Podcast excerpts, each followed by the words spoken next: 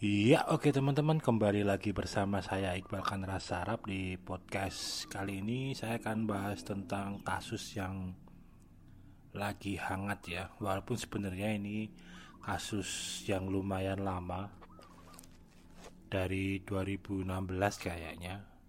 Entah kenapa di Jawa Pos lagi naik lagi.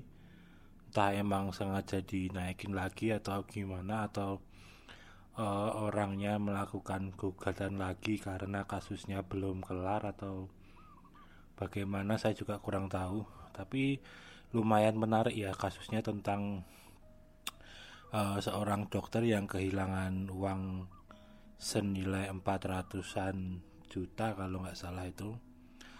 Uh, karena ganti nomor ya sebenarnya kalau teman-teman mau nyari kasus ini beritanya ini teman-teman tinggal search aja di Google TBL slash 88 slash Romawi Romawi 6 itu V1 itu slash 2016 slash SUS slash Jatim ya.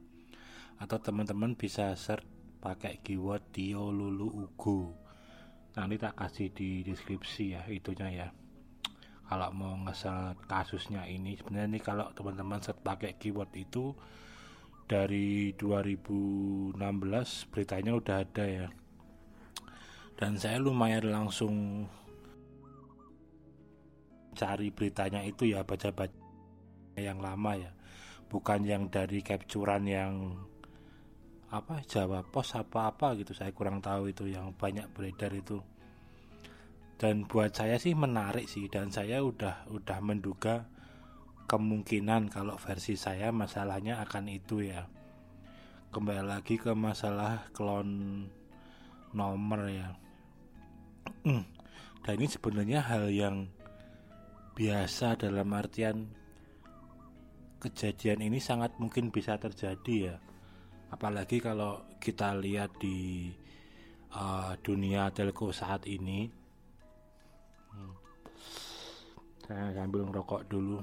Saya nggak akan me mendiskreditkan salah satu telco atau gimana ya karena kemungkinan juga uh, bisa berlaku di semua telco ya. Karena kebetulan juga akhir tahun akhir tahun kemarin atau awal akhir awal tahun kemarin lah saya kebetulan juga kehilangan HP kecopetan terus saya ngurus dan lain-lain. Makanya dan provider karena HP saya yang hilang itu dua dan ada empat provider di situ makanya saya ngurus ke semuanya ya dan hampir semuanya sama ya sistem prosedurnya ya. Nah buat saya itu juga saya udah batin saya seneng seneng dalam artian senengnya itu uh, pemrosesannya sangat cepat ya.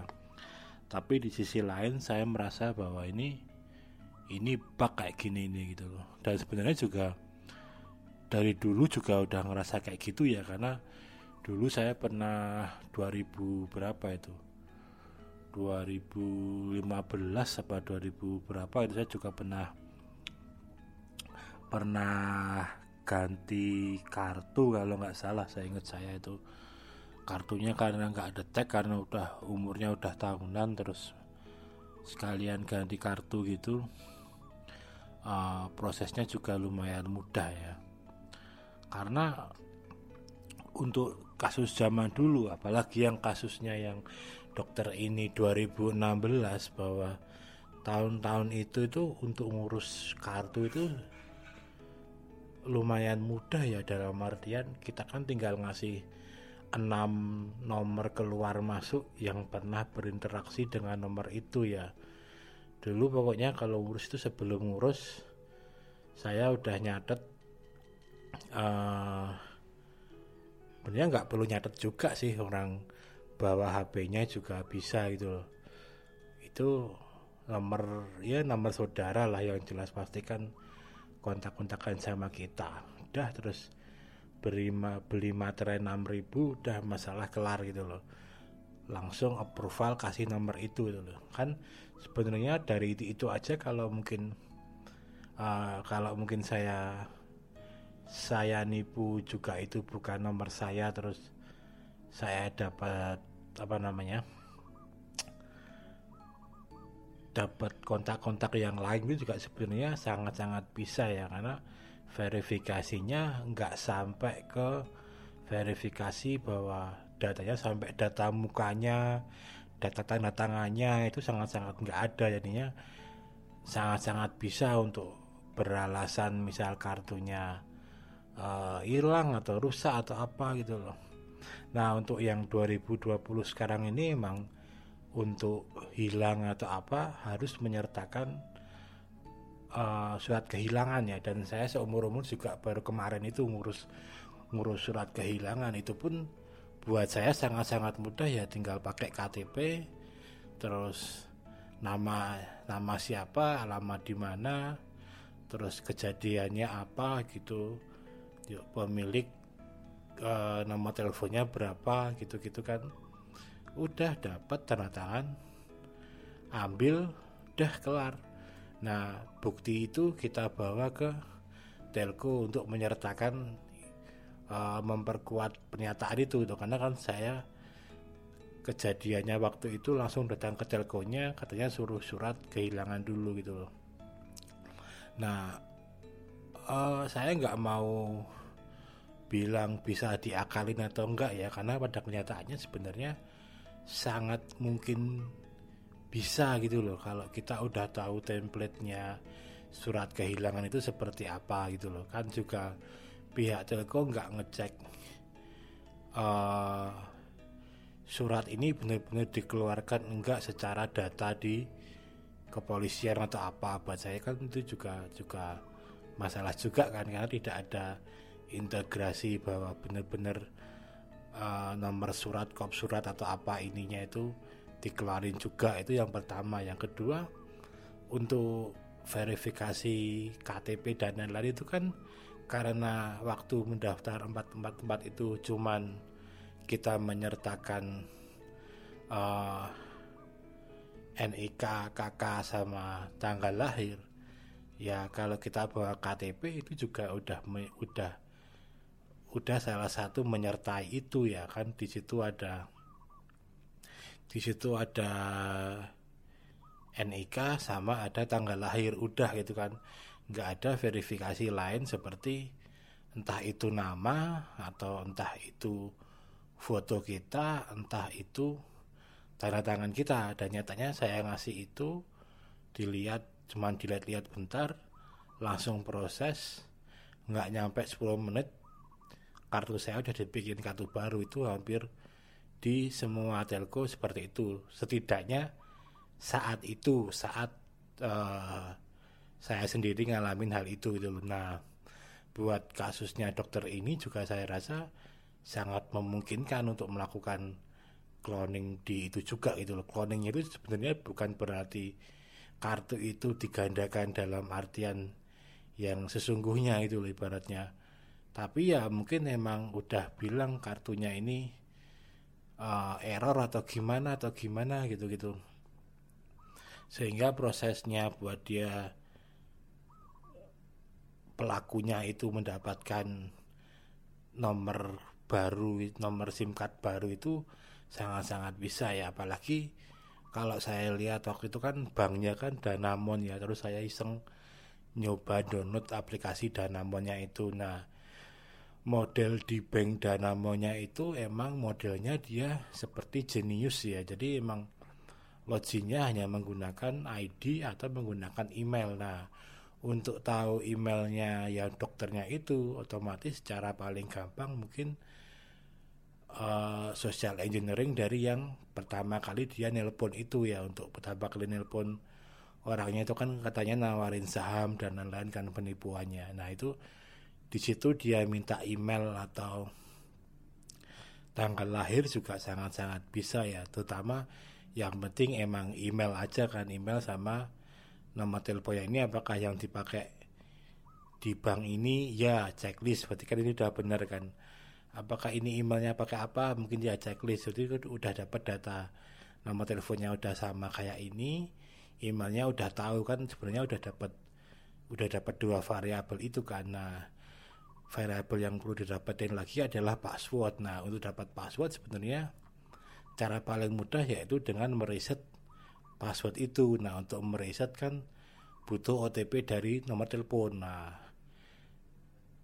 mungkin dengan dia ke telco atau apa minta nomornya itu juga sangat-sangat memungkinkan juga ya. Nah, menurut saya itu sebenarnya masalahnya hanya hanya sesimpel itu sih kalau saya sih saya nggak mau bilang juga kecerobohan yang uh, korbannya atau gimana ya tapi emang faktanya sebenarnya ketika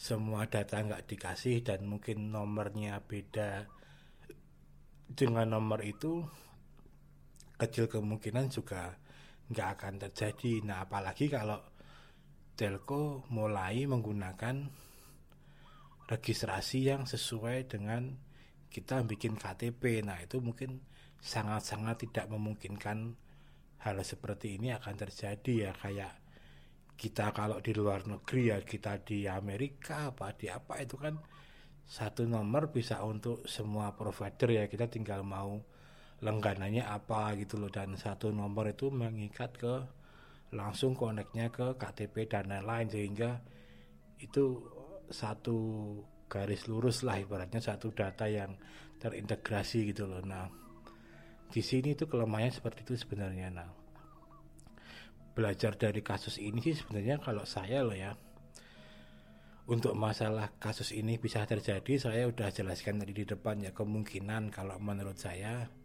uh, kejadiannya akan seperti itu ya awal mula sampai pelaku ini berhasil membobol rekening itu apalagi kalau saya tadi iseng-iseng apa namanya cari-cari di Google bahwa atau di info gitu-gitu bahwa batas perharinya itu untuk di bank ini sampai satu miliar. Uh, buat saya keren sekali ya bisa bisa duit segitu transaksi segitu batasnya sampai satu miliar tuh buat saya juga keren banget itu sebenarnya. Di sisi lain keren tapi di sisi lain kalau kita emang lagi pas apes kayak gitu ya benar-benar bisa ludes semua seperti itu nah saya akan ngasih solusi ya buat teman-teman ya buat buat uh, ngakalin ini ya. Saya juga nggak mau nggak mau nyalahin telkonya ada kong kali kong atau apa atau apa ya. Kalau saya sih Eh,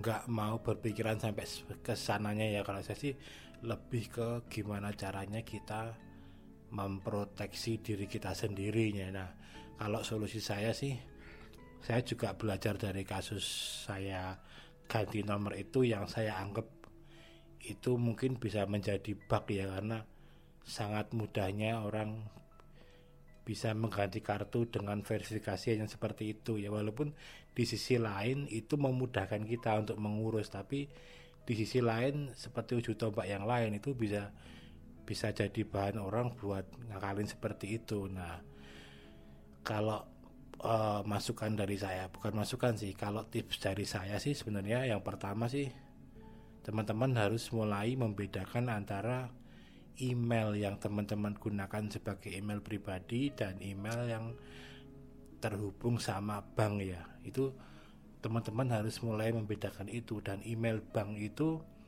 sebisa mungkin jangan sampai keluar di mana pun ibaratnya itu hanya digunakan untuk teman-teman akses bank itu aja. Jangan teman-teman buat daftar apa-apa-apalah kurang lebih seperti itu. Nah juga masalah nomor. Nah sebisa mungkin mulai sekarang sih teman-teman punya dua nomor ya. Yang satu nomor itu emang khusus buat transaksi-transaksi bank kurang lebih seperti itu. Nah masalahnya kan bank di Indonesia itu kan uh, kebanyakan menggunakan verifikasi seperti email dan lain-lain dan SIM card itu untuk proses autentifikasi seperti itu ya. Jadi istilahnya itu SIM cardnya itu harus uh, kecolok di HP yang ada aplikasinya itu. Walaupun seperti kayak jenius dan apa ya kayaknya modeling kayak dana gitu-gitu dia nggak perlu ada SIM cardnya tapi kayak Gojek itu sekarang udah mulai seperti itu ya. Nggak bisa dua nggak bisa dua device dan lain-lain kan bagi seperti itu. Karena harus HP itu ya, ya di situ gitu loh. Aplikasinya ya di situ. Nah sebenarnya malah kita jadi ribet tapi sebenarnya itu salah satu untuk memproteksi sebenarnya tujuannya.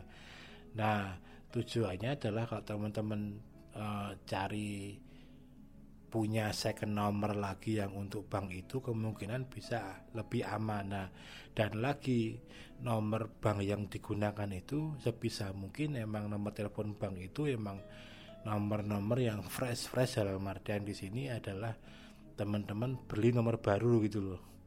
Jangan pakai nomor cantik yang lama atau apa yang jelas nomor-nomor baru yang sangat random dan sebisa mungkin pendaftaran untuk empat-empat itu menggunakan data dari uh, saudara terdekat ya atau orang teman-teman yang paling cintai yang terdekat.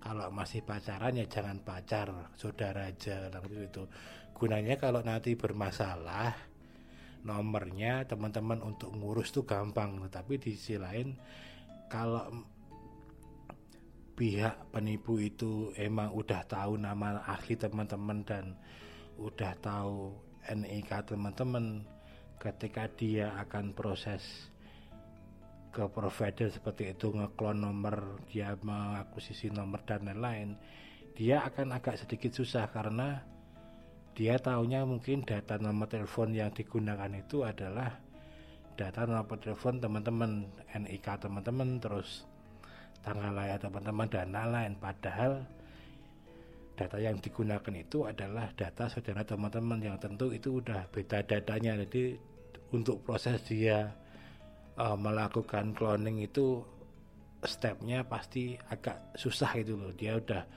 udah terlalu acak antara data bank dan data nomor telepon itu udah beda. Nah itu mungkin dua tips itu buat saya sih kemungkinan besar akan sangat-sangat menghambat kejadian seperti ini dari segi teknik ya. Oh, dari segi teknis ya tapi dari segi non teknis itu sebenarnya masih banyak orang yang uh, seperti percaya atau apa ketika ditelepon provider terus ditawarin apa terus minta datanya apa-apa-apa itu masih sangat-sangat mudah itu. Apalagi trennya orang ngasih OTP juga masih sangat-sangat mudah ya. Padahal sebenarnya secara logika ya itu kita ngomongin logika aja lah.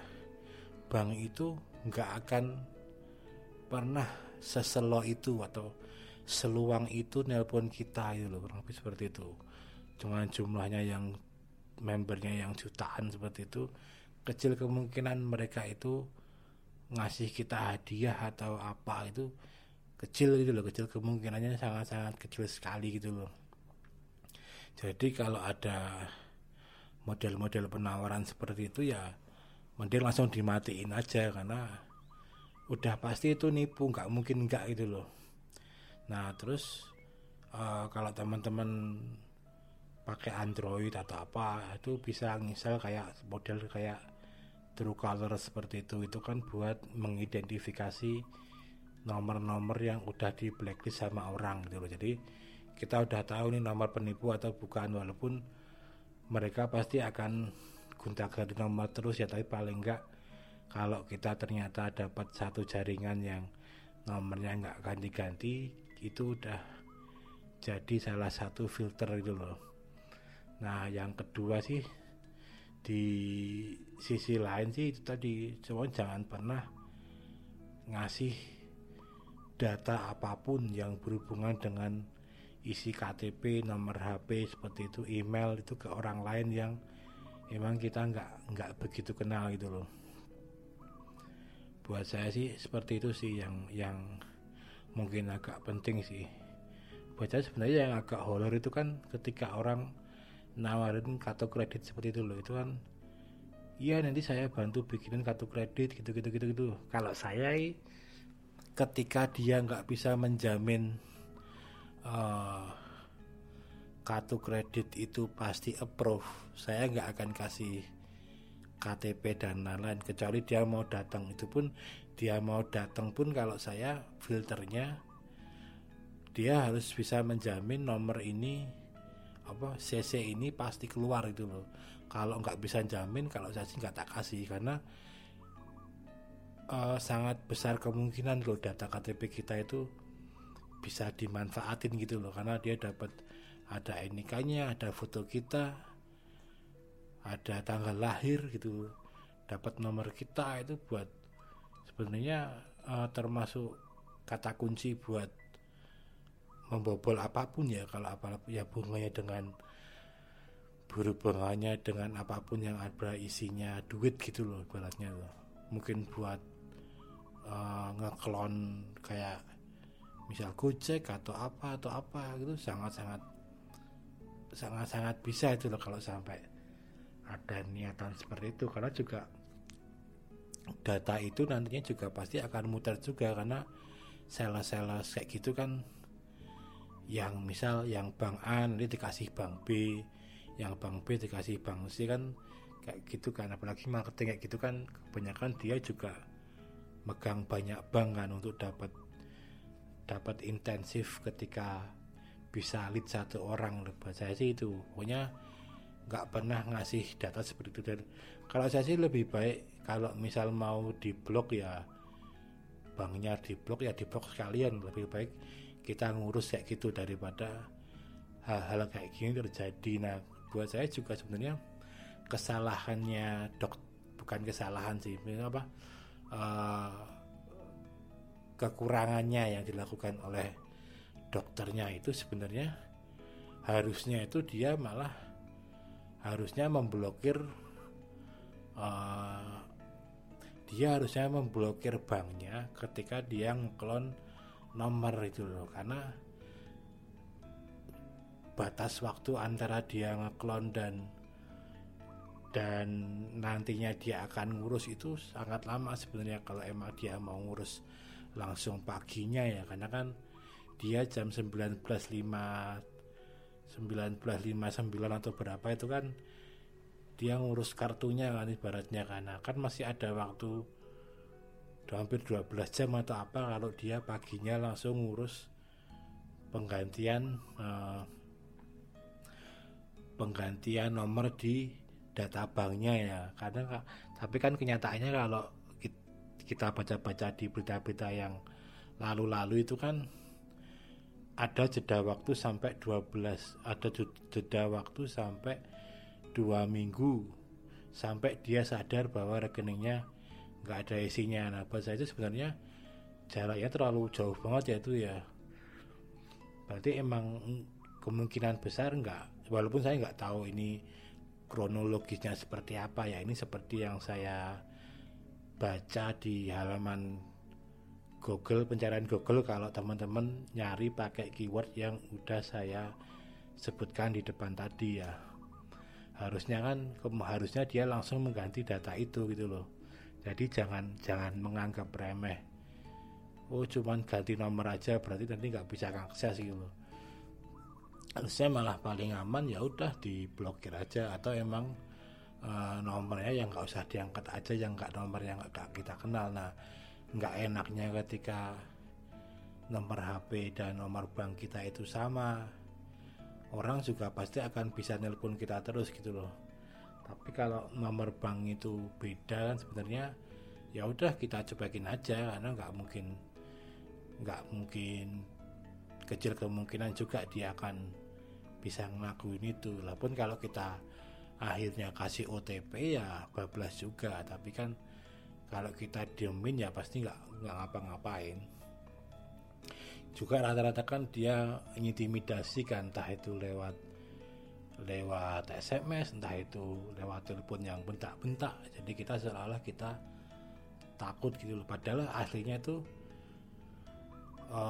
kalaupun memang dia ngancem nanti banknya keblokir ya udah nggak apa-apa kita urus aja karena nggak mungkin kita itu nggak bisa ngurus ngurus bank yang keblokir kalau emang data kita itu udah bener gitu loh. Data kita itu emang uh, emang sesuai yang yang ada di sana itu loh. Nggak mungkin bank itu nggak nggak membukakan data kita yang keblokir jadi kalau ada yang ngancem ngancem nanti ke saya blokir ini ya ya udah blokir aja gitu. Aja nggak apa-apa sebenarnya karena sebenarnya itu tadi dan bank itu jarang kemungkinan nelpon pakai nomor uh, provider biasa ya. Kalau pakai nomor telepon telepon yang sel bukan seluler itu masih memungkinkan.